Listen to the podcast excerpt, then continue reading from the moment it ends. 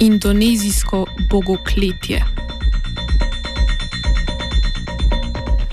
Več tisoč protestnikov se je včeraj v znak nasprotovanja obsodbi guvernerja Džakarte zbralo pred zaporom v indonezijskem glavnem mestu.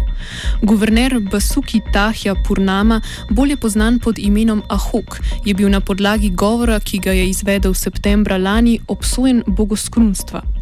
V govoru je namreč politike muslimanske veroizpovedi, ki so sklici na Koran voljivcem prepovedali podporo nemuslimanskim politikom, označil za lažnivce.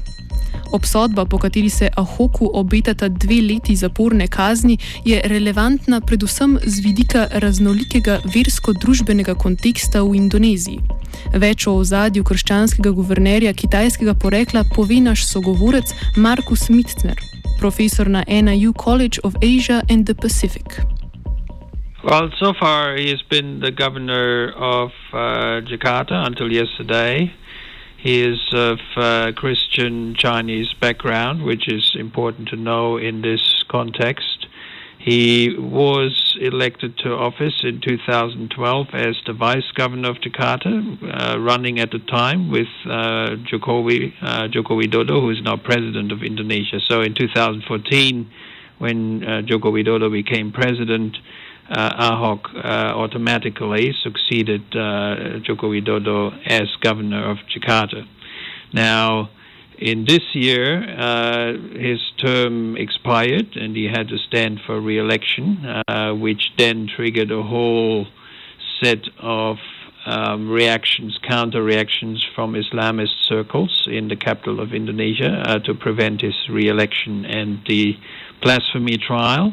Uh, which he had to face, uh, had to face, and in which he was uh, convicted yesterday, was part of that effort um, to prevent him from uh, gaining re-election. Glede na to, da v Indoneziji krepko večino predstavlja prebivalstvo muslimanske veroizpovedi, se poraja vprašanje, kdo so ljudje, ki so izvolili in podpirajo Ahoka. Več o njegovih podpornikih doda Mitcer.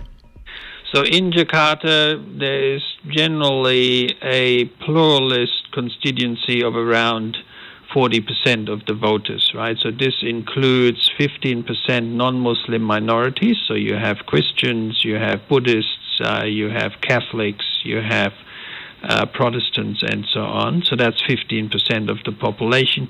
Another 25% or so are, uh, let's say, non-devout Muslims. So these are Muslims, you know, who like to have a beer, who like to live uh, sort of a worldly lifestyle and who are not tied to religious uh, scripture. So these are in the camp of of Ahok, and they turned out quite strongly for him uh, in in the elections.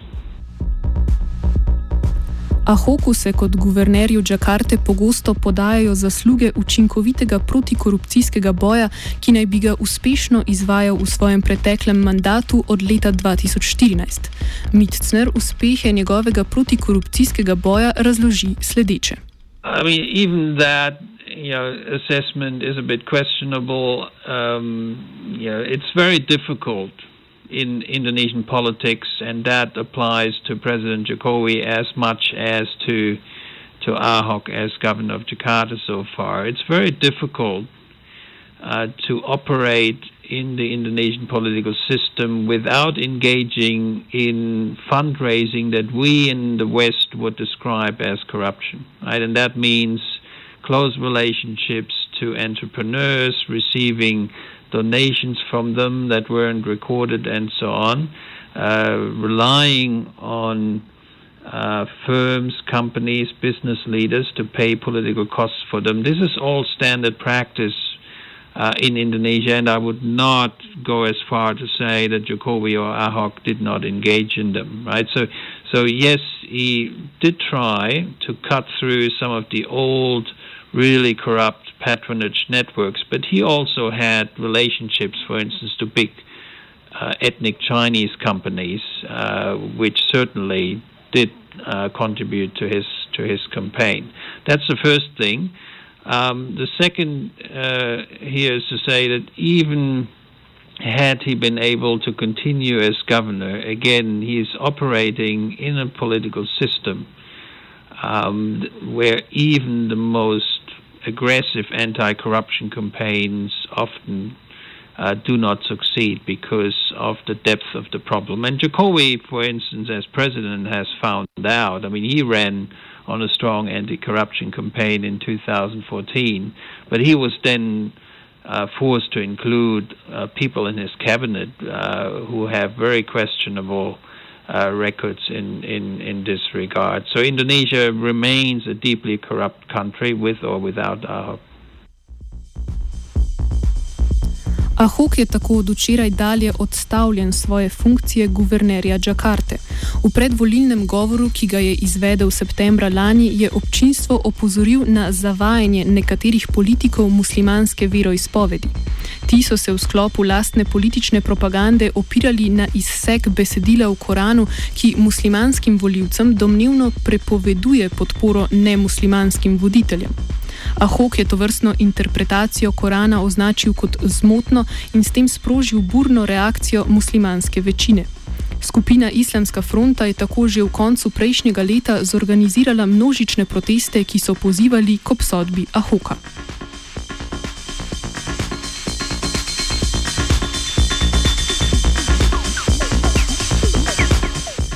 Islamska fronta predstavlja glavnega pobudnika Ahokove obsodbe.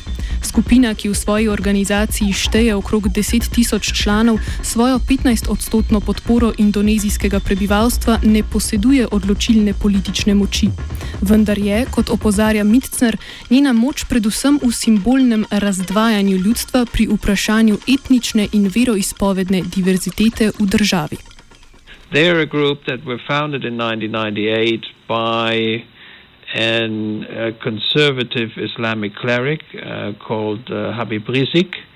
Um, initially, he assembled um, young men, often unemployed, often from poorer backgrounds, and he built up what could be described as Islamist militias that were focused on shutting down bars, shutting down restaurants during uh, fasting month and so on, which was largely you know, focused on sort of an anti-vice campaign.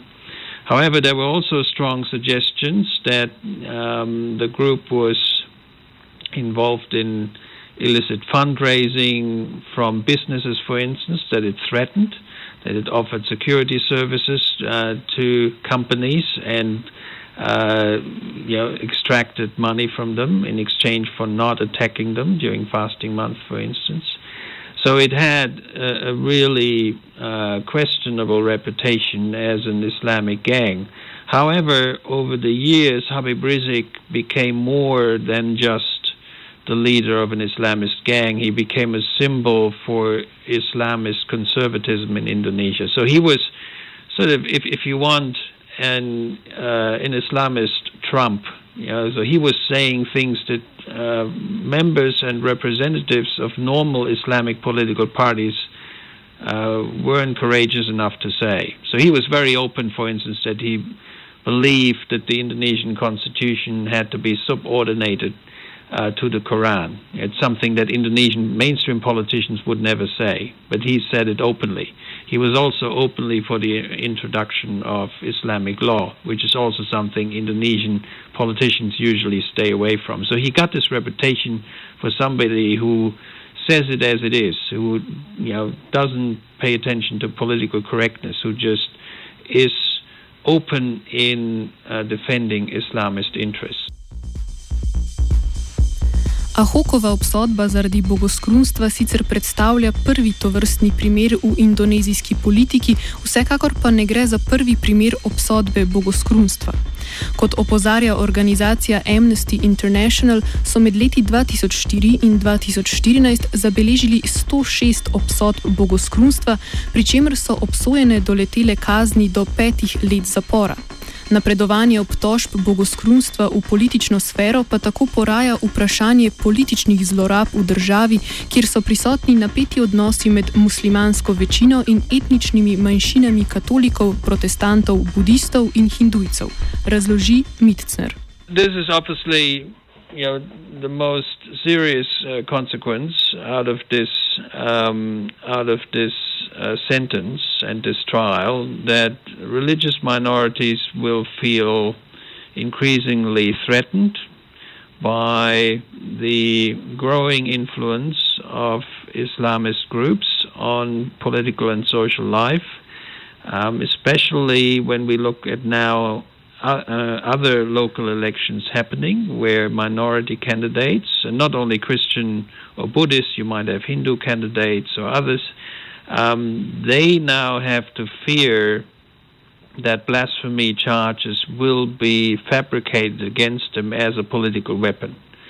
So basically, what you've seen is the weaponization of identity politics in the electoral arena, uh, and that is something minorities have to fear now will happen increasingly because it has proven so successful in in Jakarta. And we've seen that uh, on social media throughout Indonesia that especially Christians, uh, Buddhists, uh, you know, Buddhists weren't particularly interested in this case because Ahok wasn't, he's a Chinese, but he's not a Buddhist, he's a Christian. Um, but every minority, basically every non Muslim minority, now will feel that there's a threat towards them if they become politically engaged and if they try to run in elections, uh, that they will not be um, faced with questions about their policies or what they were trying to do if elected, but that their faith will be questioned and that potentially blasphemy charges will be brought against them if they dare to speak out about uh, the Islamic religion. So that's the main consequence and the main um, risk for Indonesian democracy that the political rights, the political position of non-Muslim politicians uh, you know, are now in question. Glede na to, da muslimanska večina predstavlja več kot 80 odstotkov prebivalstva, politizacija religije predstavlja pereč problem verskih manjšin v Indoneziji. Amitcer opozarja, da se vpliv religije v politiki razlikuje po regijah, zato se pri tem ne smemo prenagliti s posploševanjem. It depends on the context, but for the Jakarta elections, there's no doubt that the politicization of religion was the decisive factor. We know that from polling when uh, voters were asked, uh, why did you vote against Ahok? Why did you vote for his opponent, Anies, who will become the next governor in, in October? Um, and the majority of those who voted for Anies said they did so because he was a Muslim. So this is not speculation, this is something we can draw from the polling data. However, uh, we have to be careful about not generalizing too much. Uh, local politics is very fragmented in uh, Indonesia. It depends to a large extent what the demography is in the various areas, you know, what the percentage of minorities are, what the percentage of Muslims is in, in that particular area.